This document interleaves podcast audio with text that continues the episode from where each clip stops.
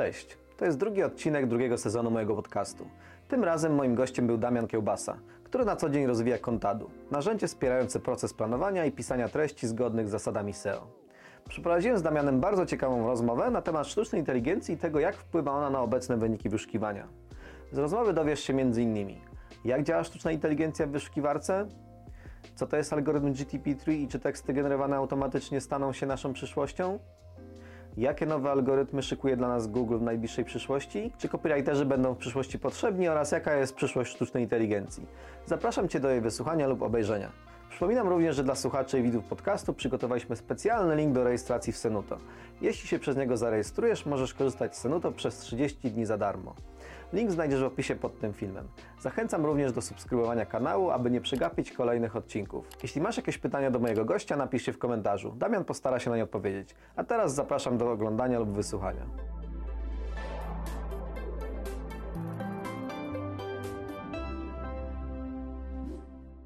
Cześć, dzień dobry. Cześć. Witam w drugim odcinku drugiego sezonu podcastu. Moim gościem jest Damian, mój imiennik. Cześć Damian. Cześć Damian. Damian przyjechał do nas z Polski e, Wschodniej, z Zamościa. Rynek SEO w Zamościu chyba nie jest duży. E, tak, właśnie przed chwilą żartowaliśmy, że jeśli dobrze pamiętam, z samego Zamościa miałem jednego klienta, który tak naprawdę siedział w Krakowie, a tylko firmę zarejestrował w Zamościu, więc... Ale jest, e, ty jesteś jakby tą częścią branży SEO w Zamościu. Damiana znamy jako mm. najbardziej uśmiechniętego człowieka branży SEO, więc możecie liczyć, że w tym, e, w tym podcaście będzie na pewno dużo śmiechu. Ale na początek, Damian, przedstaw się tym osobom, które cię nie znają, co robisz na co dzień i czym się zajmujesz. Dobrze, przede wszystkim e, bardzo cieszę się, że mogę tutaj być. Dziękuję za zaproszenie. Um, po pierwsze, to y, pewnie wypadało wyprostować, y, czy ja jestem SEO-owcem, tak? z branży SEO. Jestem y, z branży SEO, mm, natomiast pewnie gdybym powiedział, że jestem prawdziwym SEO-owcem, to obraziłbym prawdziwych SEO-owców. moja ścieżka do SEO była troszeczkę mm, inna i zaczynałem gdzieś tam w 2009 roku jako praktykant, a potem jako tak. deweloper backendowy w Onecie. I to było e, takie doświadczenie, e, które pozwoliło mi zdobyć umiejętności e, w przetwarzaniu e, dużej ilości danych, w m, mm, budowaniu dosyć wydajnych rozwiązań m, mm, informatycznych. E, natomiast właśnie w trakcie tej pracy etatowej, mhm. Mm, gdzieś tam już po, po dwóch i pół czy, czy trzech latach, stwierdziłem, że być może chciałbym robić coś na własną rękę i zacząłem się interesować internetem. Początki były dosyć zabawne. Mm, bo y, uczyłem się naprawdę na serwisach y, bardzo prostych, typu strony y, z demotywatorami. Wtedy tak naprawdę uczyłem się podstaw analityki internetowej na potrzeby rozwijania tych, tych serwisów. No i stopniowo też wchodząc w kolejne, mm, w kolejne kanały promocji, tych serwisów, no naturalną drogą też, też było interesowanie się SEO. Więc jak już założyłem konto na forum PIO, co jest takim e, krokiem milowym pewnie e, dla wielu SEOwców. Tak, teraz już forum PIO nie jest zbyt popularne, ale kiedyś wszystkich SEOwców zrzeszało w zasadzie. Dokładnie. Jak ktoś chce sobie zobaczyć, jak wygląda prehistoria SEO, to zapraszamy na forum.optymalizacja.com. Tak, więc tam, tam jest pełna, pełna historia y, branży. Jaki miałeś nick? Dziki Rysio 997. tak, a to chyba cię kojarzę. No widzisz, e, tak. E, raczej trudno jest tego e, nika nie, nie, nie zauważyć. Mm, kiedyś go ustawiłem stwierdzając, że jak zaczynam z tego poziomu, to mogę tylko pozytywnie rozczarować. Mm, więc e, forum FIO to był taki mój początek. Mm, I na początku faktycznie interesowałem się bardziej e, promowaniem swoich serwisów, natomiast obserwowałem też, co się dzieje w branży. E, i widziałem pewne potrzeby, tak? E, I stąd pojawiły się też pierwsze narzędzia, e, w szczególności synonimizator synoglota. Okej. Okay. Ja pamiętam ciebie z odkurzacza na początku chyba? To był ten sam rok, tak? Bo okay. jedno i drugie w 2013 roku. I właśnie, SEO odkurzacz to, to był kolejny program, który powstał z e, no, bardzo silnej potrzeby, tak? bo w 2013 roku pojawiły się kary ręczne za nienaturalne linki. Mamy tam pingwina, który no właśnie. I mm, masa ludzi miała olbrzymi problem z tym, że musieli ręcznie przejrzeć te miliony e, linków, które prowadziły do stron fryzjerów w małych e, miejscowościach, tak? Bo, bo, bo kiedyś te linki były dodawane na zasadzie takiej, że dodam milion i jeden z tego będzie dobry i, i, i jestem do przodu. Um, więc y, to było narzędzie, które bardzo łatwo pozwalało ludziom przesiać dużej y, ilości tych linków, określić, które są wartościowe, a które nie. Mm, no i tutaj już powoli też y, od tego narzędzia idziemy w kierunku tego, co robiłem później. Czyli przygotowywało taki powiedzmy wsad do DSAO tool, tak? Dokładnie tak. Okay. Do, dokładnie tak. To narzędzie przyjęło się dosyć dobrze w Polsce. Mm, I też zaczęły się do mnie odzywać osoby, które mm, proponowały mi z tego narzędzia zrobić coś więcej. Jeszcze wtedy byłem na etapie takim, e, kiedy myślałem, że jeśli narzędzie dostarcza dane, to nie jest istotne, czy ono jest narzędziem konsolowym, czy, czy jest paskudne. Jeśli dostarcza dobrych danych, to wszyscy są zadowoleni. Dzisiaj już tak nie myślę. Chociaż pewnie jakieś pozostałości e, zostały. E, ale w tamtym czasie odezwały się do mnie osoby, mm, które proponowały mi zrobienie z tego narzędzia czegoś e, ciekawszego. Między innymi taką osobą był Paweł Sokołowski, którego pozdrawiam teraz. Twój wspólnik obecny, tak? Tak, z którym współpracujemy już ponad 8 lat. Mm, wyprodukowaliśmy wspólnie narzędzie Clustering Auditor, mm, które w pewnym sensie rozwijało SEO odkurzacza, dokładało do niego dużo więcej trybów analizy. Natomiast to, co robię w tej chwili. Jeszcze, żeby przerwać, to mhm. do, do, do, momentu Clusterika robiłeś aplikacje desktopowe, tak? Dokładnie tak. I Clusterik y, też jest aplikacją desktopową, z tą różnicą, że oprócz desktopu mamy jeszcze y, dosyć dużą część architektury, która zbiera dane. Więc Clusterik ma własne API, z którego część danych y, pobiera i w ten sposób wzbogaca to, co użytkownik może zrobić z samą aplikacją. Mm, no i naturalną też koleją rzeczy y, było to, że, że obserwowaliśmy no generalnie obserwowali, obserwowaliśmy to, że rozwój y, narzędzi desktopowych jest trudny. Tak? Mhm. Cała masa wysiłku związanego z rozwojem takiej aplikacji jest daremna, dlatego że to, że mm, wspieram różne dziwne konfiguracje użytkowników i rozwiązuję ich problemy, albo to, że y, przez 3 godziny szykuję aktualizację, która y, wprowadza zmianę, którą dewelopowałem 5 minut, to nie, nie zwiększa możliwości tego produktu i jest po prostu daremnym trudem który, który nic do niego e, nie wnosi. No oczywiście też dystrybucja tych narzędzi jest e, dużo trudniejsza i, i też na przestrzeni lat ludzie zaczęli rozumieć, że model abonamentowy działa na ich korzyść, tak? Więc mhm. my po Clusteriku już wiedzieliśmy, że, mm, że chcemy robić SASy. E, pod koniec 2018 roku Paweł w sumie bardziej niż ja, bo, bo Paweł chyba ma lepszą taką wizję i przegląd strategiczny i, i lepiej widzi trendy, które się pojawiają na rynku. Mm, Paweł wyszedł z taką propozycją, żeby zacząć e, przygotowywać e, narzędzie Content Intelligence, z tego względu też, że mm, Paweł miał doświadczenia e, jako konsultant e, dla dosyć dużych e, marek, gdzie planowanie budżetów e, związanych z contentem Mm, było bardzo realną potrzebą, tak? A mm, bardzo wiele firm też działa mm, w taki sposób, że to planowanie kontentu było jakoś tam marginalizowane, nie liczono wskaźników e, z zwrotu z inwestycji w content. No i szukaliśmy możliwości e, stworzenia platformy, która rozwiązuje te problemy, pozwala na planowanie kontentu, na liczenie zwrotu z inwestycji w content, E, no i również też na optymalizację tego kontentu, żeby przy, przynosił jak największe um, zyski. Dzisiaj Kontadu, tak? Bo zmieniliście w międzyczasie nazwę. Mm, tak, to znaczy yy, wcześniej narzędzie mm, funkcjonowało jako Kontai. Okay. Yy, obecnie mówimy, że Kontai to jest nasz zespół, który też może wykonywać inne zadania specjalne. Kontadu to jest produkt, a spółka nazywa się Conti. Okej, okay, czyli Kontai to firma, a Kontadu to jej produkt, tak? Można tak powiedzieć. Cicho większość rozwiązań dla SEO jest w chmurze w modelu SaaS. Takim chyba najpopularniejszym desktopowym narzędziem jest Screaming Frog, który nadal jest tak dystrybuowany, ale też dużo ludzi ma z tym problemy, bo szukają różnych, nie wiem, rozwiązań, jak zainstalować to na Google Cloudzie albo jak jakiś serwer dedykowany do tego no, zrobić, bo nie jest w stanie robić takich dużych crawli na swoich komputerach albo laptopach, więc jest to naturalny kierunek rozwoju. Super. Czy jesteś takim, powiedzmy, programistą branży SEO?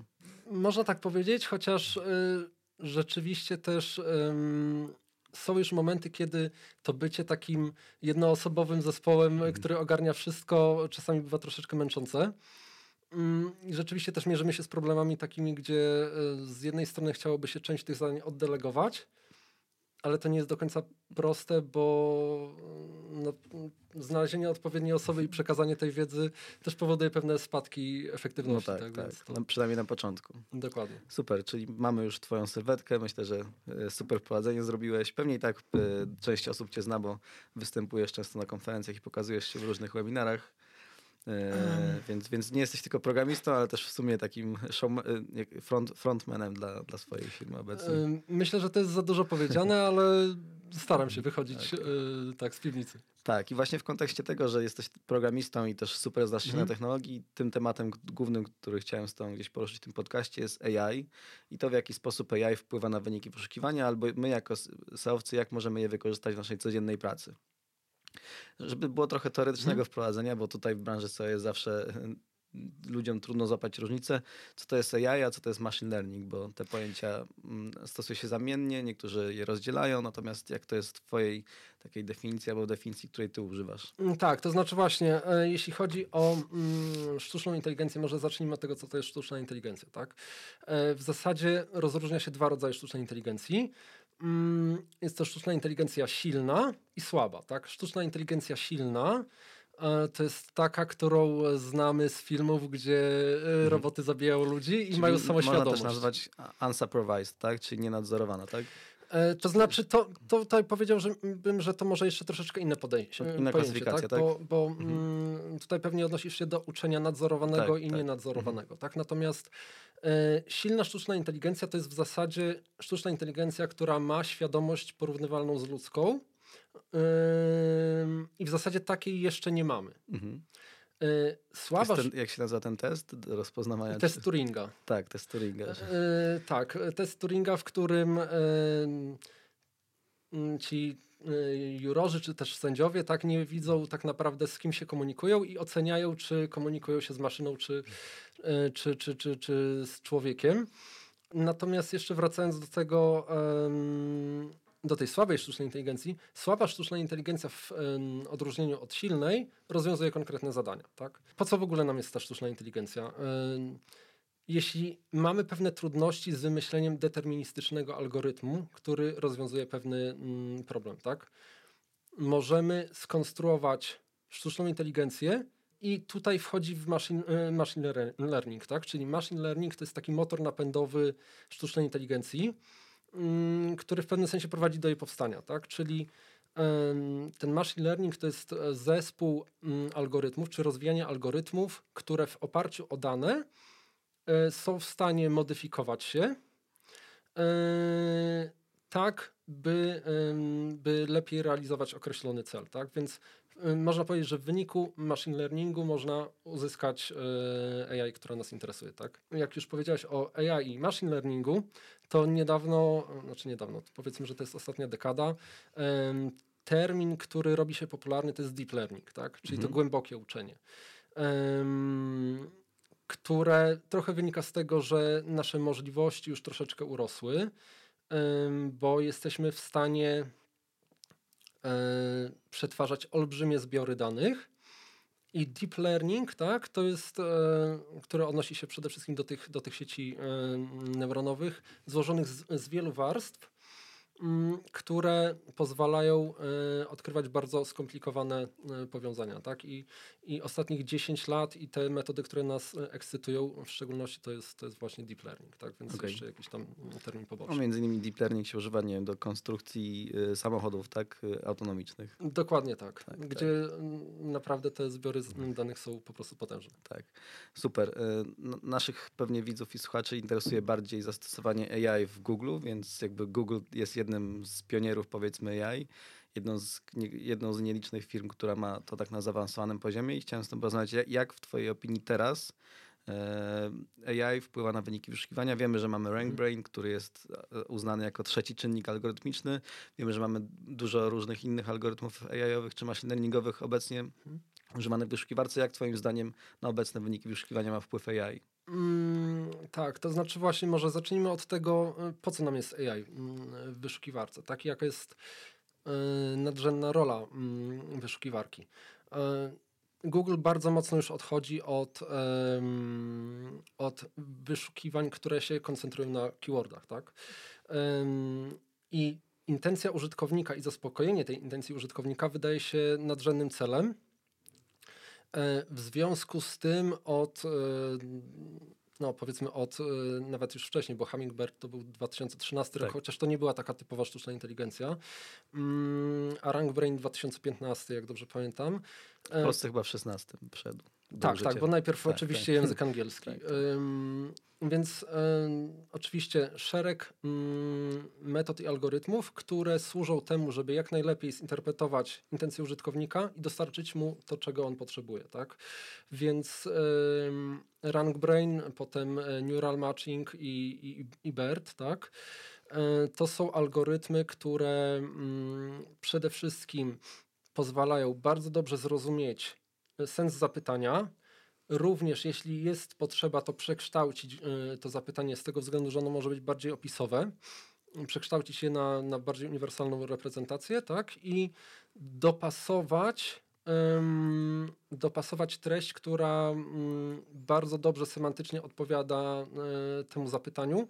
Dodatkowo jeszcze właśnie uwzględniając kolejne czynniki, tutaj właśnie Rank Brain, którego mm, jednym z głównych powodów wprowadzenia prawdopodobnie też było to, że jakieś 15% zapytań to są zapytania, które się nie pojawiały wcześniej. Mhm. Mm, Więc y, w oparciu o szereg czynników, ym, czy to semantycznych, czy również y, tych behawioralnych, trzeba ym, znaleźć sposób, żeby użytkownikowi zaserwować dokładnie to, czego on potrzebuje co odpowiada jego intencji. I żeby było śmieszniej, ta intencja też nie musi być stała, tak? Mhm. No tak. Mm, Bo jak jesteś, nie wiem, wektorem Damian Kiełbasa, no to możesz w różnych kontekstach występować i w różnych kontekstach też ludzie mogą pytać o ciebie. Dokładnie tak, bo chyba jest jakiś hokeista, który się nazywa podobnie. Tak, tak. Y, więc A jak staniesz się popularniejszy, to Tak, to jest właśnie mój cel. Odkrycie tej intencji użytkownika może być trudne. Ta intencja może być dzielona może się też nawet zmieniać w czasie. Tutaj dosyć ciekawy przykład to jest em, Święto Niepodległości e, w Stanach, tak? Więc em, mm, Google na przykład w okolicach 4 lipca, czy też tuż przed, przypuszcza, że in, in, Independence Day y, to jest y, święto niepodległości i ludzie się interesują świętem niepodległości. Przez resztę roku y, domniemywa, że, że to jest bardziej film. Mm, Tak samo jak y, mm, jest dosyć dużo takich y, słów, y, w przypadku których ta intencja jest niejednoznaczna, tak? Bo na przykład Mercury to może być Freddie Mercury, y, znaczy okej, no, y, tak, tak, tak samo się pisze, tak samo się pisze. Okej, czy to może być muzyk, to może być planeta, to może być rtęć, to może Sklep być w firma ubezpieczeniowa, tak. tak, sklep, marka samochodów i tak dalej.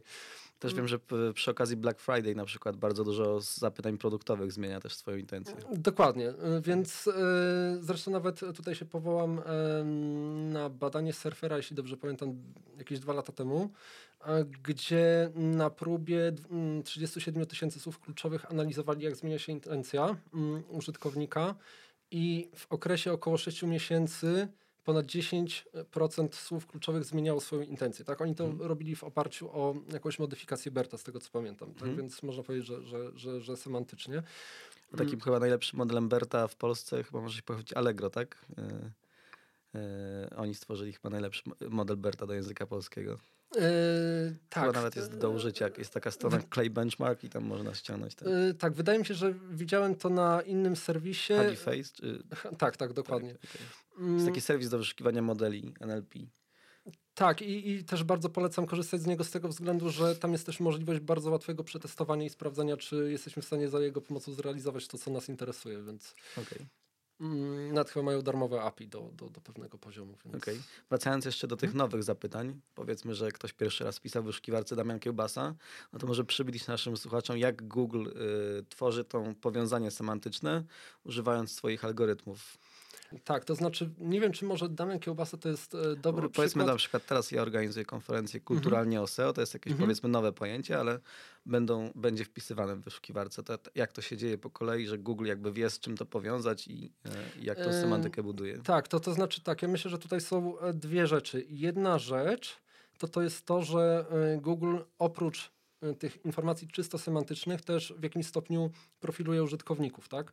Zna ich lokalizację, e, zna ich em, zainteresowania, e, więc jeśli na przykład mm, ja wpisuję Daniel Kiełbasa, czy wpisuję kulturalnie o SEO, przypuszczam, że Google domyśla się, że mnie interesuje ten konkretny kontekst, tak? I kontekst to jest też słowo klucz tutaj. Ym, natomiast w przypadku bardziej złożonych zapytań ym, kontekst znowu jest e, bardzo istotny, ale również semantycznie. I tutaj te metody, o których rozmawiamy, czyli w szczególności BERT, ym, są w pewnym stopniu ym, potomkami ym, dużo prostszych algorytmów, tak? Mhm. Czyli gdzieś tam rok na przykład 2013-2014 rok to jest e, Word to Vec. Mhm. Mm, I Może nadmienimy, że Word to Vec to reprezentacja słów w wektorach. Jakby jeżeli przetransformujemy tekst w wektory, no to możemy na nich matematyczne obliczenia robić. No i w ten sposób sie- sieć Word to Vec mogła za pomocą, za pomocą takich działań matematycznych domyśleć się o co chodzi, ale też jakby na bazie analizy tekstu, bo jak mamy tekst o Robercie Lewandowskim, no to najczęściej w kontekście, obok zdania mamy Bayern Monachium, więc on w ten sposób Mhm. liczył powiązania i jak pojawiało się jakieś nowe zapytanie typu kulturalnie o SEO, no to najczęściej w kontekście, nie wiem, moim czy innych prelegentów, którzy występowali, więc Google w ten sposób też się, też się domyśla. Tak, to 2013 rok. To jest Tak. ciekawe też, że w kontekście 2013 roku używamy słowa przestarzały algorytm. Eee, tak, tak. To znaczy tempo rozwoju tych metod jest zdumiewające, a jeszcze nawiązując do tego, co powiedziałeś, dla mnie na przykład jest ekscytujące to, że w oparciu o Word to Vec można zrobić e, bardzo znany przykład, tak, czyli król minus królowa równa się mężczyzna, tak? Tak, tak. Bo E, dziadek plus babcia równa się wnuczek, tak? Do, dokładnie tak. Albo nie wiem, Ym, jakieś badanie em, emocji, na przykład miłość plus szczęście równa się radość, tak? Tak, tak, tak. To Wdrażali, znaczy, wdrażaliśmy ten model i, i gdzieś tam bawiliśmy się Mhm. kiedyś w 2016 roku, zdaje się, czy w 2017 i właśnie e, to było wtedy zdumiewające.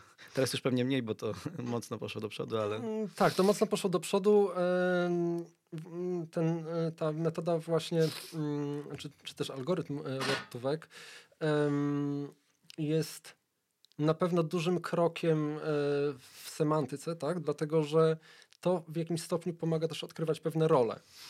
Mm, Natomiast nie jest doskonały z tego względu, że nie interpretuje jeszcze kontekstu w e, takim stopniu, w jakim e, nas interesuje. Tak? To znaczy Word2Vec tworzy tak zwane Word e, Embeddings, tak? Mhm. e, które są reprezentacją wektorową słów. I tutaj na przykład em, em, prowadziłem bieg maratoński, tak? Mhm. Ma taki sam sens, jak prowadziłem firmę. Czy, czy, czy, czy, czy, czy cokolwiek innego, tak? Więc słowo prowadziłem ma jedno znaczenie. Jest em, mm, w jakimś stopniu odarte z kontekstu. Natomiast w przypadku już na przykład Berta e, ten kontekst ma dużo większe mm, znaczenie. I em, też trend jest taki, żeby algorytmy były w stanie jak najwięcej rozumieć. E, znaczy właśnie, może nie powinniśmy używać słowa rozumieć, tak? Dlatego że interpretować, tak? tak, interpretować, bo rozumienie semantyki y, w tym przypadku, ponieważ to jest też e, nienadzorowane uczenie, e, sprowadza się do tego, że algorytm zauważa pewne powiązania, czy widzi, że, mm, że słowa mogą być użyte w podobny sposób, tak? Więc to, to, to pokazuje, że, że ich znaczenie e, czy rola są podobne. Natomiast Natomiast e, właśnie, wracając do, do tego tematu e, kontekstu, kontekst zapytania i kontekst em, i zrozumienie dokumentu jako całości to jest też e, coś, co... Bo też była modyfikacja Word to Vec, Doc to Vec, tam jakby bazowali na analizie całych dokumentów. Dokładnie. Tych algorytmów jest cały szereg.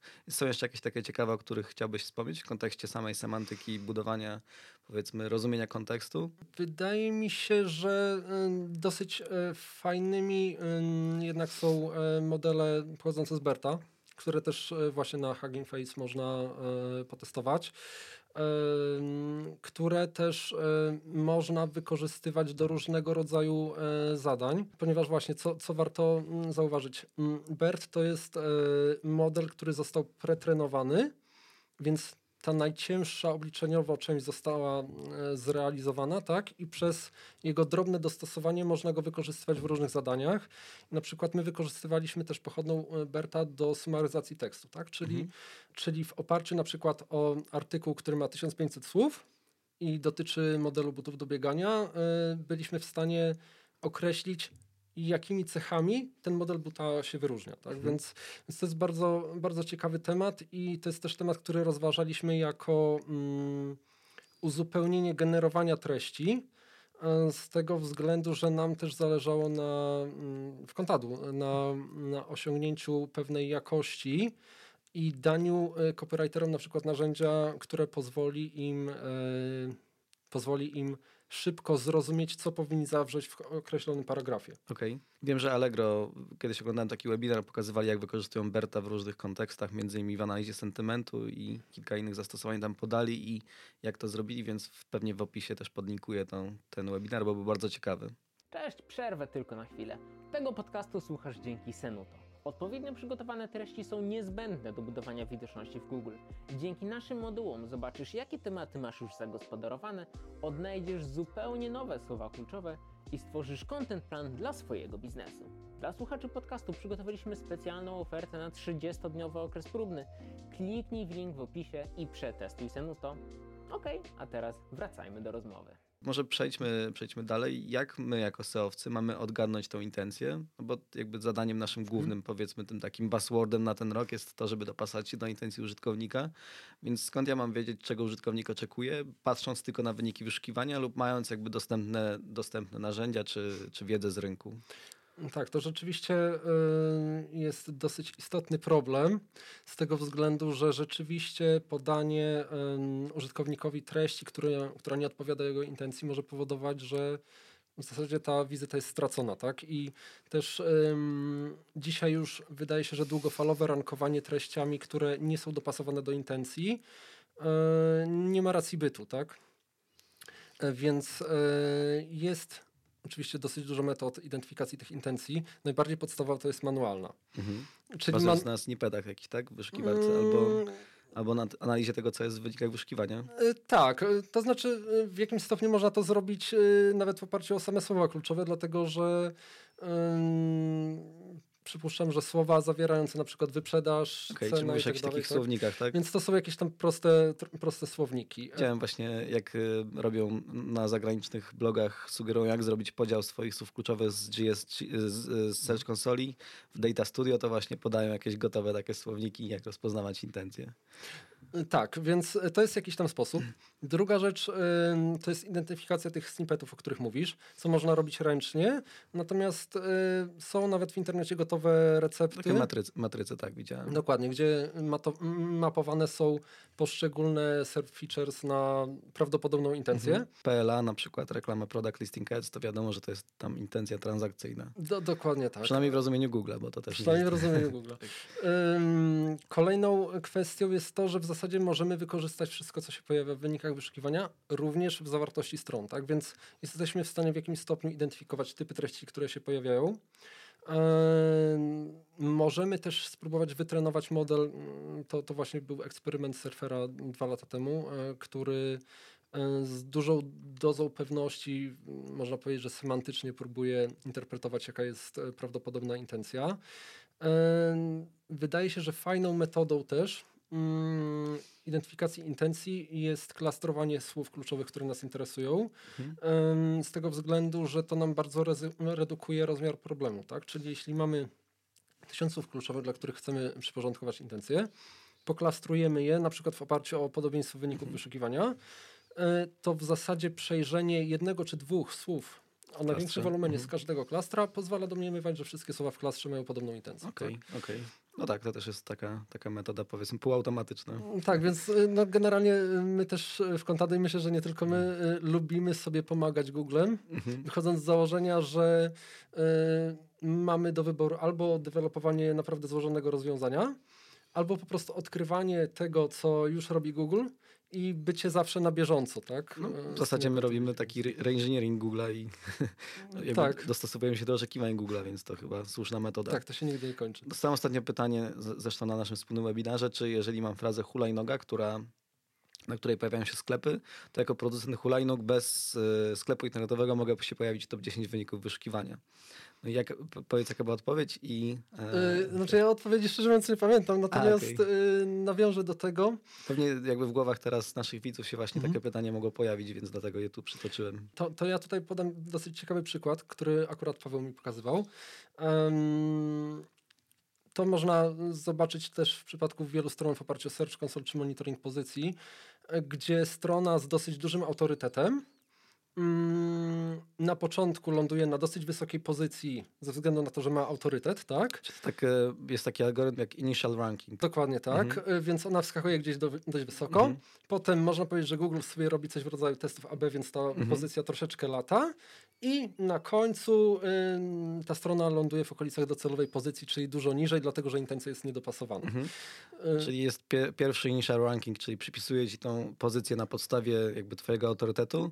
Potem są czynniki behawioralne, czyli na przykład nie wiem, niski dwell time, czyli użytkownicy wracają do Dokładnie. wyszukiwania. Potem jest re-ranking, czyli Mhm. E, ta witryna już jakby w oparciu o te czynniki behawioralne traci tę pozycję. Okej. Tak, więc wydaje się, że długofalowo to jest e, po prostu trudne, żeby nie powiedzieć, że, że, że to jest daremny trud, tak? Okej, no tak, to, to, to trzeba na to, trzeba na tą e, e, dużą, uwagę, dużą uwagę zwracać. Wielu, wiele osób jakby w kontekście AI i modeli NLP, czyli modeli do naturalnego przetwarzania języka, mówi o trudności języka polskiego w roz, jakby w kontekście t- tworzenia tych modeli. Czy taki problem zauważasz, czy to już jest jakby przeszłość? jeśli chodzi o modele językowe, swego czasu rzeczywiście mm, była to trudność ze względu na to, że w języku polskim y, odmiany są bardzo skomplikowane. E, I w przypadku języków dużo prostszych, w zasadzie nawet bez e, obsługi odmian można było całkiem dużo mm, zrobić. Natomiast w tym momencie wydaje się, że ten problem już e, nie istnieje, natomiast jednocześnie e, modele takie jak BERT można było bardzo e, szybko, w krótkim czasie dla, jeśli dobrze pamiętam, 70 czy więcej niż Mhm. 70 języków adaptować, adaptować na kolejne rynki. Jednocześnie też, jeśli mówimy o uczeniu nienadzorowanym, to koszt takiego uczenia jest znacznie niższy, to znaczy inaczej, jest koszt w, rozumieniu architektury, która musi to, to uciągnąć w trakcie treningu, natomiast nie ma już kosztu związanego z, ety, z etykietowaniem tych y, danych przez, y, przez człowieka, więc y, wydaje się, że eksperymentowanie w tym kierunku jest jak najbardziej możliwe. Oczywiście modele językowe najlepiej działają dla języka angielskiego i popularnych języków e, ze względu na to, że takie są priorytety, że po prostu są uczone na dużych zasobach treści w języku angielskim. Postępy są na tyle duże, że, że język polski już jest coraz mniejszym problemem.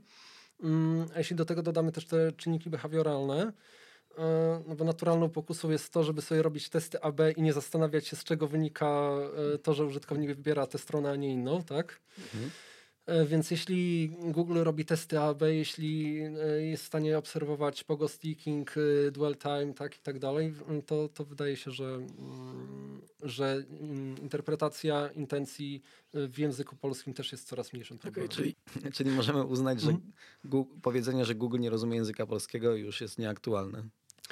Myślę, że mm, znaczy wiadomo, że jest to jakiś odcień szarości, tak? Natomiast rzeczywiście e, jest coraz mniej aktualne. To już nie są te czasy, kiedy mm, w 2013 roku w topach rankowały teksty z mieszarek, albo ludzie się zastanawiali, czy Google potrafi zrozumieć synonimy, tak? I zobaczyć, że, że tekst jest syno- synonimizowany. Tak, Więc, minęło 9 lat, a zupełnie tak, czyli to jest inna epoka, Tak, tak? tak, tak, dokładnie. No to porozmawiamy o tych algorytmach do tworzenia treści, rozumienia treści, czyli powiedzmy algorytmach klasy NLP. I zapytam Cię najpierw o model najpopularniejszy, Hmm. który teraz się stosuje, czyli GTP3, stworzony przez firmę czy organizację, nie wiem jak ich nazwać, OpenAI, który zresztą de, takim dyrektorem badawczym jest Polak, zdaje się. To, to mnie zaskoczyłeś, szczerze mówiąc, nawet Tak. nie pamiętam. A ja tak, to gdzieś tam na taką Mhm. informację natrafiłem i to mnie właśnie zaskoczyło, więc Polacy są zdolni i nawet, nawet tworzą coś, co zmienia zmienia świat w zasadzie, bo teraz w sumie to w zeszłym roku, pod koniec roku, powiedzmy, otwarcie wyjście z bety tego algorytmu trochę zdominowało w zasadzie to, jakie narzędzia powstawały i to, wokół czego dyskusja się toczyła w branży. Tak, rzeczywiście. Ym, ja muszę przyznać, że dla mnie to było trochę szokujące. Tak? To znaczy, ja sobie zdawałem sprawę z tego, że sztuczna inteligencja się rozwija. Natomiast trzeba powiedzieć ym, też o jakiej skali rozwoju mówimy. Tak? Ym, pewien sposób można te modele porównywać przez liczbę parametrów, yy, które, które znajdują się w tych modelach. Tak? I czym jest taki parametr modelu? Yy, ponieważ mówimy o sieci neuronowej, yy, która jest w pewnym sensie odzwierciedleniem tego, co, co zrobiła natura, tak? czyli można powiedzieć, że przekazuje pewne sygnały, to każde połączenie ma swoją wagę, tak? I każdy parametr sieci odpowiada właśnie na przykład takiej jednej y, wadze, tak? Y, I w przypadku GPT-3 mówimy o, jeśli dobrze pamiętam, 175 miliardach połączeń. Mm, co jest istotne, w ciągu dwóch lat liczba połączeń w tych, w tych modelach wzrosła około stukrotnie. Mhm. Więc skok jest niewyobrażalny. Teraz już się mówi o tym, że GPT-4 będzie miało 500 razy więcej połączeń niż GPT-3. I właśnie mam wrażenie, to znaczy inaczej, może mm, GPT-3 zrobiło na mnie olbrzymie wrażenie. Z tego względu, że y, pomijając wartość merytoryczną, która może być różna, ale jest w stanie generować tekst, który jest w zasadzie nieodróżnialny od ludzkiego i to nawet w tych y, ślepych próbach z udziałem sędziów wychodzi. Mm, więc y, jest to rzeczywiście imponujące. Mm, wydaje się też, że jeśli chodzi o, o zrozumienie kontekstu, to, e, to tutaj jest też e, kamień milowy z tego względu, że e, tak jak mniej złożone modele, na przykład właśnie mi się przypomniał, mm, przypomniał taki tekst, gdzie powoływano się na opis pewnej podróży tak, między portami lotniczymi. I mm, jeśli sobie weźmiemy Mm, jako przykład tekst, gdzie mm, ktoś podróżuje z miasta, gdzie skrót lotniska, tak, trzy pierwsze, mhm. Y, odpowiada trzem pierwszym literom miasta. I poprosimy sztuczną inteligencję na przykład o wygenerowanie mm, opisu podróży y, do na przykład Los Angeles, tak, gdzie kod lotniska jest, jeśli dobrze pamiętam, LAX, mhm.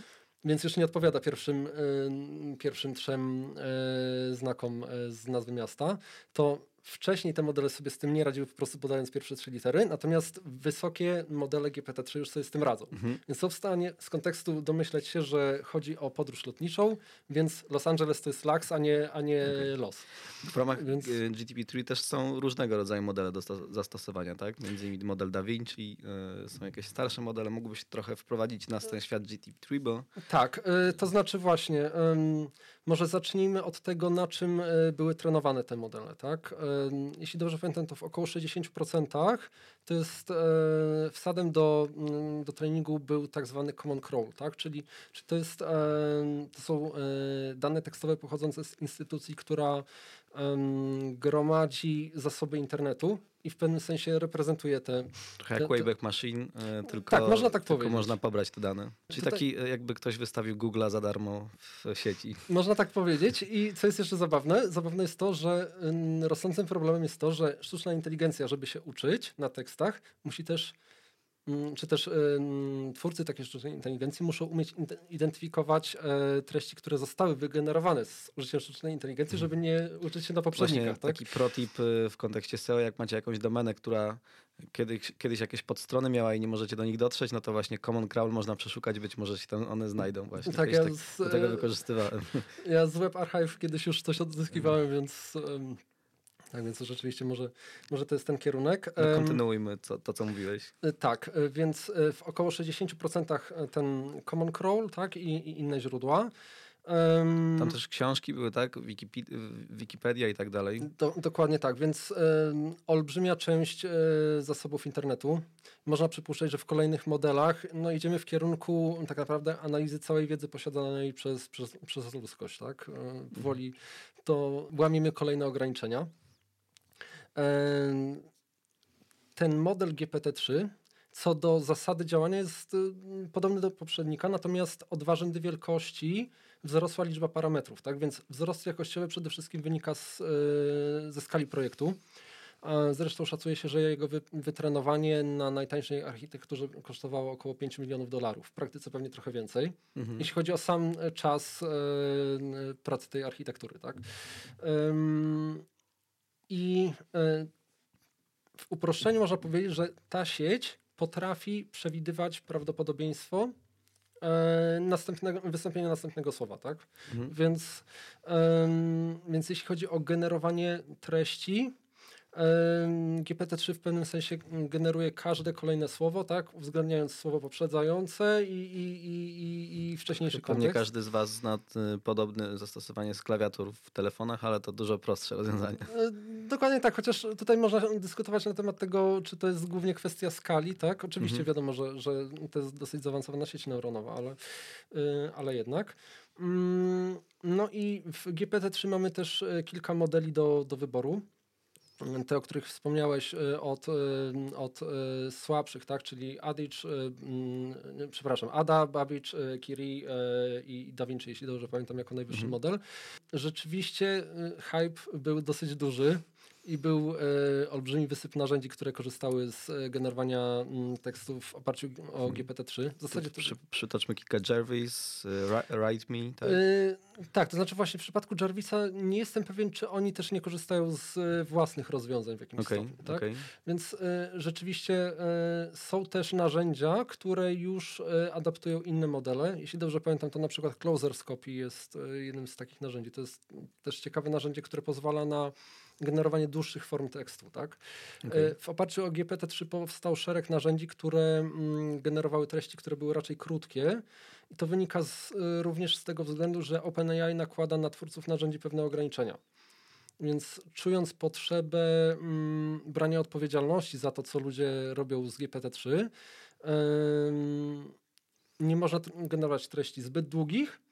Mm, zabraniane jest generowanie w oparciu o treści, które już zostały wcześniej generowane i tak dalej, i tak dalej. Więc Bo trzeba też tu nadmienić, że OpenAI to nie jest taka firma, która powstała, żeby zarabiać, tylko to jest między innymi z, gdzieś tam z funduszy Microsoftu, Ilona Muska i jakby Mm. jej głównym celem jest zrównoważony rozwój AI, tak? Tak, to znaczy pierwotnie to e, nie wiem, czy nie działała jako non-profit w ogóle. Potem Mhm. została skonwertowana, ale, ale rzeczywiście mm, to poczucie odpowiedzialności jest. Z drugiej strony też nie można do końca hamować e, rozwoju takich narzędzi, bo ja wychodzę z założenia, że jeśli coś jest możliwe, to to prędzej czy później się stanie, tak? I, Nie da się tego nadzorować. tak, to jest trochę jak e, walka z e, handlem narkotykami przez e, redukcję podaży, tak? Mhm. Więc to, to po prostu nie działa. Mm, Więc prędzej czy później ktoś to zrobi. E, No i rodzi się szereg pytań odnośnie tego, mm, w jaki sposób moralnie tego używać. No i też szereg pytań, które dotyczą naszej branży, e, a wynikają z tego, gdzie jest faktycznie wartość tego, co my tworzymy, tego, co tworzy ko- copywriter, tak? Ym, Gdzie jest sens stosowania tego czynnika ludzkiego, a gdzie po prostu trzeba pójść na skróty. Bo do tego zaraz jeszcze przejdziemy. To co mnie też y, chciałem powiedzieć, że każdy może przetestować OpenAI i GDP3. Wystarczy się zarejestrować na stronie openai.com, jest otwarta beta i tam jest też e, e, też taki playground, tak to się Tak. nazywa, tam można zapytania robić. To, co mnie też zaciekawiło, to sposób, w jaki się robi te zapytania, bo w zasadzie pytamy tą sztuczną inteligencję w języku naturalnym, więc nie musicie umieć programować, wystarczy, że powiecie, napisz mi tekst o, o czymś tam albo jakieś inne zastosowania, ale to też widziałem tam wiele zastosowań nie tylko do tworzenia treści, naprawdę tam są takie abstrakcyjne przykłady. Mogę tu na przykład ym, przytoczyć, że jest tam model, który na bazie języka naturalnego jest w stanie programować. Można powiedzieć, że napisz mi grę w języku Python, która będzie wężem i która nie będzie mogła skręcać w prawo i on sobie z tym radzi. Dokładnie tak, więc jest to na swój sposób zdumiewające. Ym, I właśnie to, o czym powiedziałeś, ten playground pozwala na y, bardzo fajne eksperymentowanie i ma jeszcze jedną przewagę nad korzystaniem y, z narzędzi, które go adaptują, czy też adaptują API OpenAI, że tam nie ma pewnych limitów. Bo na przykład y, twórcy narzędzi mają wymóg stosowania czegoś, co się nazywa content filter. Co powoduje, że jeśli odpytam sztuczną inteligencję, czy mogę zabić sąsiada, sztuczna inteligencja powie, że no pewnie. Ym, Content filter powie, że nie mogę tego zwrócić użytkownikowi. Okej. Z jakiegoś powodu. Ym, natomiast w Playgroundzie można w zasadzie wszy- wszystko. Ym, limity są znacznie wyższe i rzeczywiście ten prompt engineering, tak, czyli tworzenie tych bardziej złożonych zapytań, e, daje bardzo duże możliwości. Podam tu jeszcze kilka przykładów. Można, nie wiem, zapytać o to, żeby wygenerował nagłówki, albo z, ko- z, na przykład y, zadać konkretne pytanie, że potrzebujesz posta na Facebooka i on jakby na to reaguje, więc i tam tych zastosowań jest ponad 40 już teraz sobie nie przytaczałem, na przykład, nie wiem, z języka naturalnego zapytania do SQL-a potrafi tworzyć. No tych, tych zastosowań jest więcej niż tylko jakby automatyczne generowanie treści, więc też nie chciałbym, żebyśmy o tym dyskutowali tylko w tym kontekście, bo to jest dużo Tak, szerszy tak, temat tak dokładnie. naprawdę i może na dużo szerzej y, jakby dziedzin się rozlać niż tylko SEO samo. No dobra, to trochę już poruszyłeś ten temat, ale czy twoim zdaniem to, co teraz obserwujemy, to jest schyłek jakby copywriterów i ich praca w dłuższej perspektywie przestanie mieć znaczenie, czy jak ty na to patrzysz? Tak, to jest właśnie e, pytanie, które pojawia się chyba na każdym webinarze i na każdym spotkaniu dotyczącym generowania treści. Moim zdaniem to jest tylko nasilenie pewnego trendu, który mm, obserwujemy od pewnego czasu. Tak? To znaczy są rzeczywiście już branże, gdzie nawet bez sztucznej inteligencji treści można generować, tak? dlatego że na przykład wyniki sportowe, przebieg e, meczów, e, pewne informacje finansowe są na tyle ustrukturyzowane, że w oparciu o nawet proste szablony można, można taki kontent generować i generować bardzo szybko i tanio. Ym, Natomiast jeśli chodzi o samo już pisanie treści, to trzeba sobie odpowiedzieć na pytanie, gdzie jest rzeczywiście ta wartość i czego tak naprawdę użytkownik potrzebuje. E, Bo jak popatrzymy na większość konkurencyjnych branż, to można odnieść wrażenie, że mm, większość tych treści już i tak jest tylko kompilacjami czegoś, co było wcześniej. Więc pytanie, czy napisanie 31 kompilacji z 30 wcześniejszych kompilacji rzeczywiście coś wnosi. I, i, I tak naprawdę o co, o co walczymy? Czy walczymy o zrobienie mm, lepszej kompilacji tego, co ktoś wcześniej wypracował? Trochę E, tak teraz to działa, bo jak ktoś pisze tekst, to analizuje top 10 i No właśnie. I, i to, to jest właśnie też stara taka... się to odwzorować plus dołożyć coś od siebie, tak? Tak, i to, to jest taka troszeczkę pułapka. Nawet niedawno mieliśmy bardzo ciekawą rozmowę na temat, ym, znaczy właśnie z osobą, która pisze bardzo wartościowe teksty, a która ma poczucie, że jej praca nie jest doceniana, tak? Ym, to jest e, problem też taki, że duża część użytkowników ma no, bardzo niskie wymagania co do tej treści, więc jeśli na przykład szukają e, sposobu na redukcję wagi, to zadowolą się kolejną kompilacją. Tak nie interesują ich badania naukowe. Koszt opracowania mm, e, czy, czy też nawet e, streszczenia badań naukowych jest nieporównywalnie większy niż stworzenia e, kompilacji z, e, z, z jakichś tam stron poradnikowych. Tak? No tak. Wydaje mi się, że generowanie treści to jest tylko mm, pogłębienie trendu, który już istnieje od kilku lat. Natomiast copywriterzy wydaje mi się, że powinni mm, próbować się bronić czym innym, tak? Czyli próbować się bronić cechami czy umiejętnościami. Czyli twoim zdaniem da się ich zastąpić, tak? Za pomocą tychże algorytmów. Znaczy, wydaje mi się, że Przynajmniej tych, którzy jakby kompilują te treści albo robią jakiś rewriting tego, co już Yy, istnieje. Wydaje mi się, że da się, da się tak yy, zastąpić w podobny sposób, w jaki da się zastąpić na przykład lekarza pierwszego kontaktu, tak? który w oparciu o wywiad dokonuje diagnozy, mm, diagnozy pacjenta. Też jakiś algorytm w głowie ma przecież, tak? Yy, Filtracji danych i tak, więc w zasadzie taki, taki lekarz na przykład można powiedzieć, że realizuje coś w rodzaju systemu Czy ekspertowego, radi- gdzie... radiolodzy, którzy analizują zdjęcie, tak? Dokładnie tak. Yy, więc są pola, gdzie sztuczna inteligencja jest też pozbawiona yy, uprzedzeń, tak? Mhm. Dla niej są surowe dane i surowe prawdopodobieństwa. Więc to, to nie jest tak jak e, lekarz, który zastanawia się, czy w oparciu o swoje dotychczasowe mm, doświadczenia, tak, e, który, który stwierdza, czy mm, jedna choroba jest bardziej prawdopodobna, czy druga. Ym, No tak. jak Masz odpowiednio duży zasób danych, no to, No i to nieporównywalnie tak? większy zasób danych ma taka sztuczna inteligencja, aczkolwiek mogłaby, mogłaby mieć problem z nowymi case'ami, które mogą wystąpić i to jest też powiedzmy ta ułomność. O, oczywiście. Mm, e, więc ym, wydaje się, że we wszystkich zajęciach, które są e, powtarzalne, to, to, to jest naturalna kolej rzeczy, tak? I to, to nie jest istotne, czy rozmawiamy o em, o e, na przykład fabryce, w której, e, w której pracownik wykonuje powtarzalne czynności, tak? czy, czy mówimy o podejmowaniu decyzji w oparciu o określony zasób danych, czy mówimy o mm, generowaniu treści, to wydaje się, że, że tam człowieka można w jakimś stopniu zastąpić. Trzeba sobie zdawać sprawę z e, pewnych ułomności. Czy to jeżeli przeprowadzimy taki proces myślowy, że, że w zasadzie wszyscy teraz będą generować treści automatycznie, albo że wartość tekstu automatycznego będzie taka sama jak napisanego ręcznie, to jaki jest powód tego, żeby Google w ogóle jakiekolwiek wyniki wyszukiwania prezentował, skoro może skorzystać z tych samych modeli? Tak, i wydaje się, że, mm, że to jest też bardzo silny trend. E, Już tak może nawet biznesowo na to patrząc, to znaczy faktycznie duże serwisy mają tendencję do tego, żeby zamykać użytkowników i nie wypuszczać ich em, poza obręb swojego serwisu, tak? Więc to, co w Google widzieliśmy już od jakiegoś czasu jako direct e, answer, tak? I Powiem, że rośnie to z roku na rok, teraz to już jest ponad 10% zapytań, od, przez, a weszło to 6 lat temu. Tak? no właśnie, więc em, Też jak zawsze mówiłem, że to już nie jest search engine, tylko answer engine. Ym, tak, i, i ten trend ym, zaspokajania potrzeby użytkownika bez wypuszczania go gdzieś dalej jest, jest bardzo silny. Wręcz y, pewnie dla wielu jest to bulwersujące, bo mm, Google w jakimś stopniu korzysta z y, wiedzy zgromadzonej przez ludzkość. Ale chociaż wiem, że w, Niemczech chyba wydawcy wymusili na Google to, że będzie im płacił za to, że w wynikach organicznych wyświetlają się ich wyniki. No bo to w Mhm. zasadzie jest ten problem na przykład, że mamy, nie wiem, Google Newsa albo jakby wydawcy dostają albo małą część przychodów z tego Google Newsa, a w ogóle z wyników wyszukiwania na przykład jak mamy, nie wiem, ten feature answer, jakby wy- y, treść pochodzi Mhm. z serwisu zewnętrznego, a jakby ludzie nie wchodzą już dalej, prawda?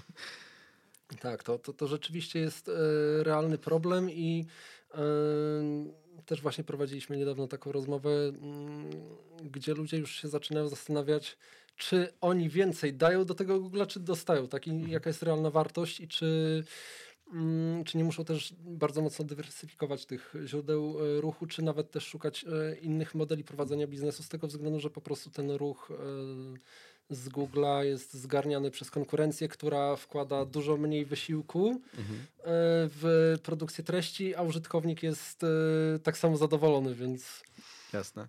A jakbyśmy postawili się w roli copywriterów, to jak oni mają się przygotować na to, co nadchodzi? Wiem, że mówiłeś mi o jednym z algorytmów i patentów Google'a do rozpoznawania, powiedzmy, autora. Być może Tak. jakby ta wartość autora buduje się przez to imię i nazwisko, więc być może to jest jakieś rozwiązanie problemu. e, wydaje się, że rzeczywiście mm, to jest bardzo istotna kwestia. E, Od e, dłuższego czasu mm, funkcjonuje ten model IT, tak, który bardzo mocno stawia na autorytet, na, na wiedzę ekspercką. Nie chodzi o jedzenie, to jest skrót od trzech, trzech wyrazów. tak, expertise, autoritativeness i tre- nie pamiętam. trust- chyba, Tak, tak. ja już nie pamiętam, bo zawsze się używa skrótu. Tak, bo, bo, bo wszystkim się język plącze. W każdym razie y, rzeczywiście wydaje się, że są y, domeny, tutaj mam na myśli bardziej dziedziny niż, niż domeny internetowe, y, które jeśli dobrze pamiętam są tak ładnym skrótem określone jako your life or y, your money. Czy, czy, Your czy money, your life. Okej, odwrotnie. właśnie. Finanse, medycyna i tak dalej. Mm, tak. Czyli tam, gdzie albo wydajemy, albo chodzi o nasze pieniądze, albo nasze zdrowie. Tak, więc tam, gdzie pojawia się pewna odpowiedzialność za, za rady, które dajesz ludziom, tam rzeczywiście potrzeba identyfikacji osób, które są autorytetami jest bardzo silna. Y, I właśnie też patent, do którego nawiązałeś, który się nazywa Autor Vectors, jeśli dobrze pamiętam, y, który został zaprezentowany chyba w 2020 roku, bardzo mocno kładzie nacisk na przykład na identyfikację twórcy, nie tylko przez jego imię i nazwisko, ale przez e, język, przez sposób pisania, styl wypowiedzi. E, I to może być wykorzystane zarówno do tego, żeby zidentyfikować, kto jest ekspertem, zidentyfikować eksperta z nazwiska, ale również stwierdzić, że na przykład tekst, pod którym podpisał się ekspert, nie jest tekstem tego eksperta. Więc Okej. e, nastąpiło oszustwo, tak? portale medyczne, które zatrudniły lekarzy, żeby się nimi podpisywać, to chyba, że od zawsze jakby ktoś jest ghostwriterem czyimś wtedy. Y, tak, to wtedy, wtedy nie ma problemu. Natomiast rzeczywiście też myślę, że identyfikacja tekstów eksperckich jest możliwa nawet bez identyfikacji autora, tak? Bardzo, bardzo mocno ze względu na język, e, sposób pisania. Mm, myślę, że nawet na poziomie statystycznym to, to dosyć mocno e, wychodzi. Oprócz tego Google też coraz mocniej interesuje się innymi mm, mediami, czyli w szczególności też identyfikację speakerów na wideo, na, e, czy, czy podcastach, tak? Więc dźwięk i wideo również e, są tutaj brane pod, e, pod uwagę. Przetwarzanie mowy zresztą też robi olbrzymie mm, postępy. Więc wydaje się, że właśnie poszukiwanie mm, ekspertów to jest, to jest bardzo silny trend, bo ktoś jednak mm, tę pierwotną wiedzę musi, musi przedstawiać. Hmm. Tak? W ogóle obserwujesz, że dużo specjalistów co przechodzi na ten content generowany automatycznie? Rzeczywiście w niektórych branżach ten trend jest bardzo silny. Wydaje się, że mm, jeśli chodzi o język angielski, mm, tak jak wspominałem, narzędzia, które pozwalają na generowanie tak zwanych long forms, czyli w oparciu o pewne bullet pointy czy, czy, czy strukturę, czy, czy właśnie plan struktury artykułu. Tutaj są bardzo duże możliwości i copywriterzy też często idą na skróty. Mm, dlatego, że jeśli są w stanie y, wygenerować y, w ciągu godziny tekst, który poprawiał w 10, zamiast pisać y, go przez 30, tak, to mm, okazuje się, że czasem mogą go nawet, znaczy to podejście mogą zastosować nawet do dziedzin, które wydają się trudne, tak, czy, czy, czy wręcz eksperckie. I jednocześnie ten trend automatyzacji pewnych działań jest bardzo silny, tak? Więc y, zaczęliśmy od y, generowania krótkich tekstów. Chcemy mieć strukturę artykułu, chcemy mieć cały artykuł. Za chwilę będziemy mieli. Całą stronę. Tak, tak. więc za chwilę będziemy generować całe serwisy. Y, tutaj też.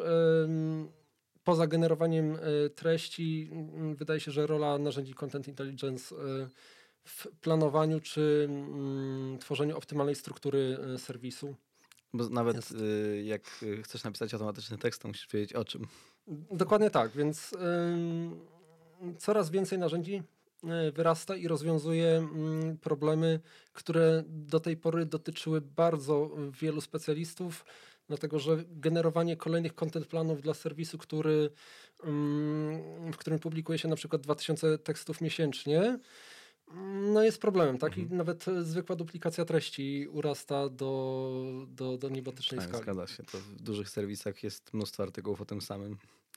E, mówiłeś trochę o analizie mowy wideo i jakby Google zapowiedział na przyszły rok, że wypuści nowy, nowy model MUM.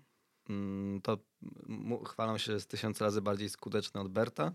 A jego przewagą jest to, że nie analizuje tylko tekstu, ale też wideo, obrazy, podcasty też Google jakby ma wprowadzić ten partial indexing, czyli nie musi indeksować całej strony, tylko jakby część strony, która odpowiada na to konkretne pytanie użytkownika, czyli MUM może działać w taki sposób, że jak ktoś pyta o buty górska, jest tam film na, nie wiem, 20 minut, no to on jest w stanie wyciąć ten dwie mm. minuty i odpowiedzieć na to pytanie. Jak wydaje ci się, czy to za chwilę jakby będzie kolejny temat, o którym będziemy mm, rozmawiać w przyszłym roku i jak, jak to twoim zdaniem zmieni wyniki poszukiwania? Wydaje mi się, że to jest bardzo ekscytujący temat. E, również z tego względu, że to jest jeszcze mm, pójście dalej, jeśli chodzi o interpretację i, i zaspokojenie intencji użytkownika. E, taki bardzo popularny przykład działania tego MUMA to jest, to jest podróżnik, który wszedł na jakąś tam lokalną górę i teraz chciałby wejść na dużo wyższą i odpowiada sobie na pytanie na przykład z jakimi trudnościami musi się mierzyć albo jak musi się lepiej przygotować. Więc to jest dosyć złożone pytanie, które prawdopodobnie rozbiłby na cały szereg zapytań. E, natomiast e, MUM ma e, dążyć w kierunku realizacji tego pierwotnej intencji i samodzielnie być w stanie kompilować wiedzę z różnych źródeł i z różnych mediów, tak jak wspominałeś, mm, i dać użytkownikowi wygenerowaną odpowiedź, która zaspokoi jego mm, oczekiwania. I wydaje się, że to jest jeszcze pójście y, dalej też w kierunku tej takiej enkapsulacji użytkowników w Google, dlatego że tak jak do tej pory mieliśmy Direct Answer, tak teraz w zasadzie cały szereg kolejnych intencji będzie można zrealizować tylko w wyszukiwarce, nie wychodząc dalej. Mhm. Mm, więc y, tutaj rzeczywiście, poza tym, że jest to ekscytujące technologicznie, to mm, myślę, że może też mieć duży wpływ na SEO. Okej, okay, też tak mi się wydaje. E, jest jakaś data jakby określona? Bo Mm. nie, chyba nie widziałem jeszcze. Nie jestem pewien, to znaczy wiem, że mm, teraz jest e, stosowany w wąskich zastosowaniach, ale nie bezpośrednio związanych z searchem, więc mm, ciężko mi powiedzieć, może tym, okej, okej, rozumiem. Jakieś inne ciekawe patenty albo modele AI, które Google stosuje, chciałbyś tu przytoczyć? Czy jakby przeszliśmy, wydaje się, przez wszystkie takie, które warto Mm. znać jako SEOwiec? Generalnie Alphabet, spółka Alphabet e, ma patentów, jeśli dobrze pamiętam, gdzieś pod tysiąc. Nawet sprawdzałem niedawno e, z ciekawości, e, searcha dotyczy gdzieś pod 200, natomiast w praktyce z tego tysiąca cały szereg z nich można w jakiś sposób em, wykorzystać do budowy sztucznej inteligencji czy budowy mechanizmów, które tego searcha obsługują. Tak? Więc, więc to jest cały szereg patentów. E, No z mojej perspektywy najbardziej interesujące są te, o których rozmawialiśmy. Okej, to porozmawiamy o kolejnym kroku, kamieniu milowym w rozwoju AI. Google w maju miał konferencję, to chyba Google nazywa swoje konwencje I.O. e, i tam pokazali taki plan do 2030 roku, jak mają e, pomysł się rozwijać w kontekście komputerów kwantowych. Do 2030 chcą wyprodukować taki komputer kwantowy, który, który będą w stanie już jakby tam przejść no, in, infrastrukturalnie. Czy wydaje ci się, że to jest taka kolejna rewolucja i kolejny element tej układanki, który może AI na wyższy poziom przenieść? E, Rzeczywiście jest to dosyć interesujące. E, Jeśli chodzi o sztuczną inteligencję, to mm, od bardzo dawna mówi się, że jej rozwój w większym stopniu wynika z algorytmiki niż ze wzrostu możliwości obliczeniowych. Tak? To Mhm. znaczy rzeczywiście ten przyrost mocy obliczeniowej jest zbyt wolny, żeby był głównym e, motorem napędowym. Co do komputerów kwantowych, ym, no, to jest taka troszeczkę spekulacyjna może dziedzina, e, z tego względu, że może warto też powiedzieć, e, czym one się różnią, tak? One mm, korzystają z mechaniki kwantowej i podstawowa różnica jest taka, że jednostką informacji w e, klasycznej e, informatyce jest bit, natomiast w komputerach kwantowych qubit. Bit przyjmuje star, stany zero-jedynkowe, Mhm. natomiast e, e, Kubić korzystając... superpozycję, tak? Tak, więc tutaj mamy superpozycję lub splątanie kwantowe i w pewnym sensie wykorzystanie komputerów kwantowych może pozwalać em, na operowanie na większych zasobach danych no, w uproszczeniu, tak, e, w krótkim czasie, więc w szczególności na przykład zastosowanie mm, odpowiedniego algorytmu. Algorytmy muszą być odpowiednio dostosowane do, do komputerów kwantowych. Mogłoby pozwolić na przykład w krótkim czasie uzyskać e, wagi sieci neuronowej, tak, więc e, szybko ją em, wytrenować i dużo taniej być może. Natomiast e, to jest taka dziedzina troszeczkę spekulacyjna, mm, bo rzeczywiście mm, pojawia się szereg firm, które twierdzą, że, mm, że wprowadziły komputer kwantowy, e, realizują pewne zadania, które zazwyczaj są zadaniami z kryptografii, tak? Dlatego, że, że na przykład em, faktoryzacja liczb to jest, to jest temat, który jest takim sztandarowym przykładem właśnie algorytmów, które, które na komputerach kwantowych potencjalnie mogłyby dokonać pewnego przełomu, tak? Mhm. e, czy, czy wywrócić kryptografię, którą znamy do góry nogami. Mm, natomiast e, jest szereg Czyli spekulacji. banki nie byłyby bezpieczne. Można tak powiedzieć, tak? Bo, bo e, Ale trzeba powiedzieć, że raczej y, ten 2030 to nie jest moment, w którym każdy z nas będzie miał komputer kwantowy w domu, bo on wymaga zera absolutnego, żeby, bo kubity są bardzo Dokładnie tak, więc stabilność e, stanu tego komputera i możliwość jego odczytu, no to, to jest, jest bardzo problematyczna i stąd też właśnie dużo kontrowersji odnośnie tych deklaracji firm, które twierdzą, że zbudowały komputer kwantowy, który realizuje konkretne zadania. W praktyce pojawiają się głosy, że to nie był do końca komputer kwantowy, tak? Więc okej. em, Czyli nie, jak niektóre firmy mówią, że zbudowały AI, tam jest szereg ifów, tak? Y, tak, i tutaj w sumie też wchodzimy na temat taki poboczny, który ja z kolei lubię, bo my wszyscy jesteśmy podekscytowani sztuczną inteligencją, natomiast trzeba sobie zawsze odpowiedzieć na pytanie, czy ona jest nam faktycznie potrzebna Mhm. do realizacji zadania, no, zadania które nas interesuje. Więc, No zawsze takie buzzwordy dominują jakby dyskusje i każdy, wiesz, chce, chce być przy tym, tak? Jak, Mhm. jak nie robisz czegoś w AI, to masz pewne FOMO, że wszyscy cię wyprzedzają. Dokładnie. Ale w, wracając do komputerów kwantowych, czy wydaje ci się, że to jest szansa, że Google jakby do, do, ten plan zrealizuje do 2006 roku i to odmieni? Bo oni już się chwalą, że Mhm. mają komputer 100, razy, 100 Mhm. milionów razy szybszy niż zwykły komputer. Pytanie, czy są w stanie go zastosować w jakimś praktycznym z- rozwiązaniu, to, to, to, to jest inne pytanie, ale czy Mhm. wydaje ci się, że oni są w stanie dowieść te swoje deklara- deklaracje? Yy, Jak powiem, że nie, to będzie bardzo kontrowersyjna odpowiedź. Za 10, za 8 lat nikt nie będzie ciebie z tego rozliczał. Yy, tak, jest, jestem skłonny yy, przypuszczać, że, że się nie wyrobią, natomiast yy, to jest tylko intu- intuicja i nic więcej, więc... To jeszcze porozmawiamy o specjalistach SEO, bo wydaje mi się, że część z nich jest trochę pogubiona w tym z, z, z dziwnym świecie, bo z jednej strony każe im się uczyć UX-a, z drugiej strony web designu, z trzeciej strony machine learning, AI, intencja i tych pojęć pojawia się tak bardzo dużo, że jakby już się wyodrębniają specjaliści SEO, którzy się specjalizują tylko w konkretnych obszarach. Ja też czuję się mega przytłoczony tym, ile tej wiedzy, ile tej wiedzy powstaje. Czy jako taki specjalista SEO, który nie, ma, nie jest programistą, nigdy nie programował, czy on powinien uczyć się korzystać z tych modeli, czy on powinien, co powinien wiedzieć o machine learningu, co powinien wiedzieć o AI i jakby, jak się w tym wszystkim odnaleźć? No to jest dobre pytanie. Ym, I ja też osobiście staram się bardzo mocno oddzielić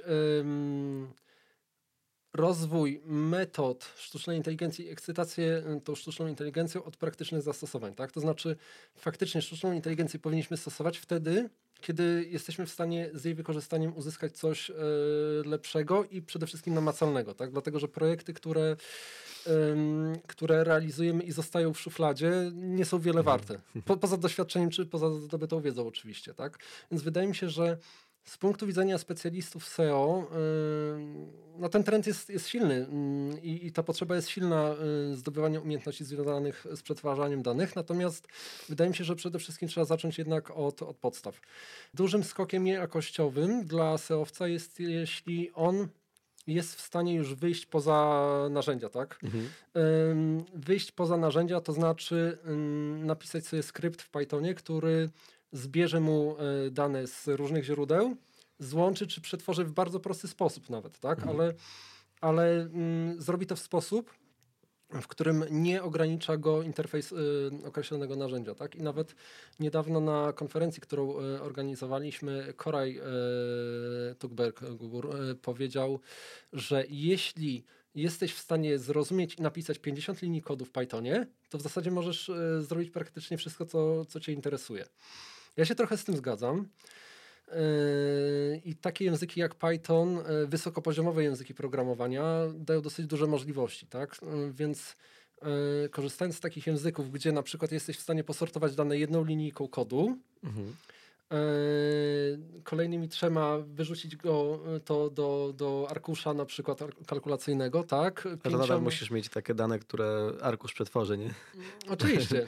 Ale wie- powiedzmy, że większość specjalistów y, w tym się, w tym się zmieści. Tak, więc wydaje się, że mm, opanowanie podstaw to jest duży już krok naprzód. Wydaje mi się, że, że właśnie zrozumienie podstawowych struktur danych, umiejętność Staw statystyki. Też. To znaczy, generalnie myślę, że umysł matematyczny troszeczkę pomaga, tak? W zrozumieniu, y, na co patrzysz, co jest szumem, a co jest tą informacją, której y, po, po, poszukujesz. Y, oprócz tego zrozumienie też podstaw protokołów internetowych, Mhm. co w zasadzie i tak jest dla SEOwca dosyć potrzebne.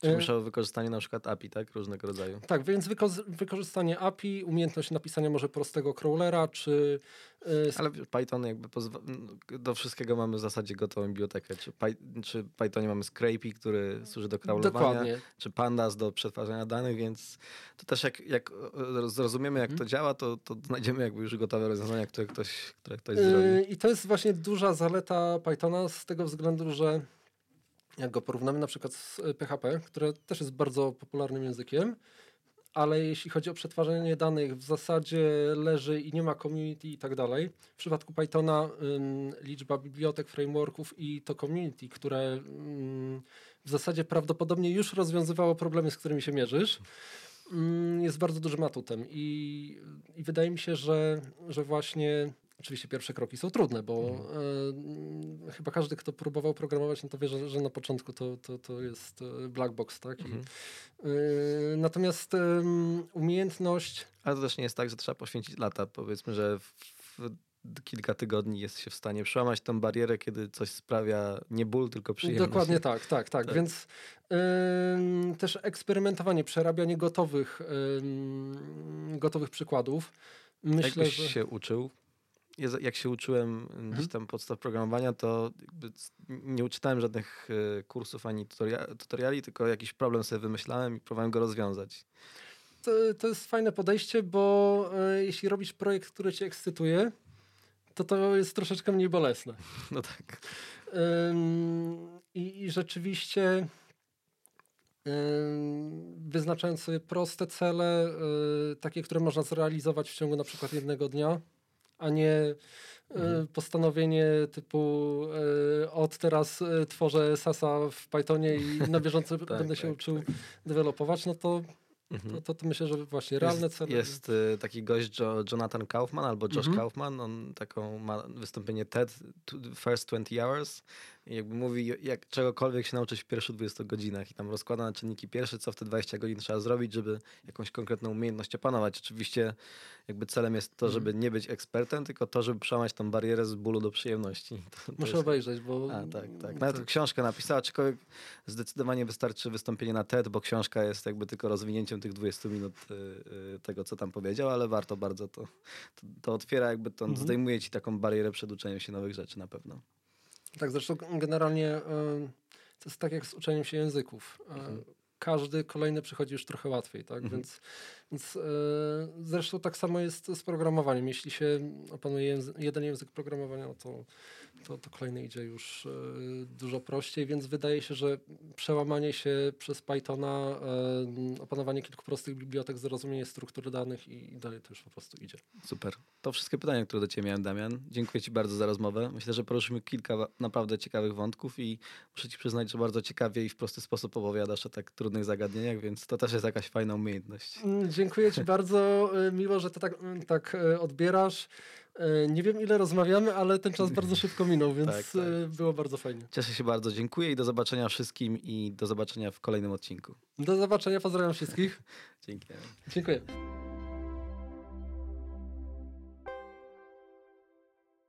To już koniec odcinka z Damianem, a już za dwa tygodnie kolejny odcinek, którym moim gościem był Paweł Strykowski. Z Pawłem rozmawiamy m.in. o tym, jak wygląda link building w Polsce oraz o tym, jak wygląda on za granicą. Chciałbym zaprosić Cię na wyjątkowe wydarzenie w sercu Mazur. Po raz czwarty współorganizuję konferencję SEO Race. Wydarzenie odbywa się w Mikołajkach. Na wyjeździe jest około 30-40 uczestników oraz 5 prelegentów. To trzy dni unikalnej wiedzy, świetnej zabawy i networkingu. Ponad 80% naszych uczestników wraca do nas co roku. Zobacz, jak się bawiliśmy w zeszłym roku.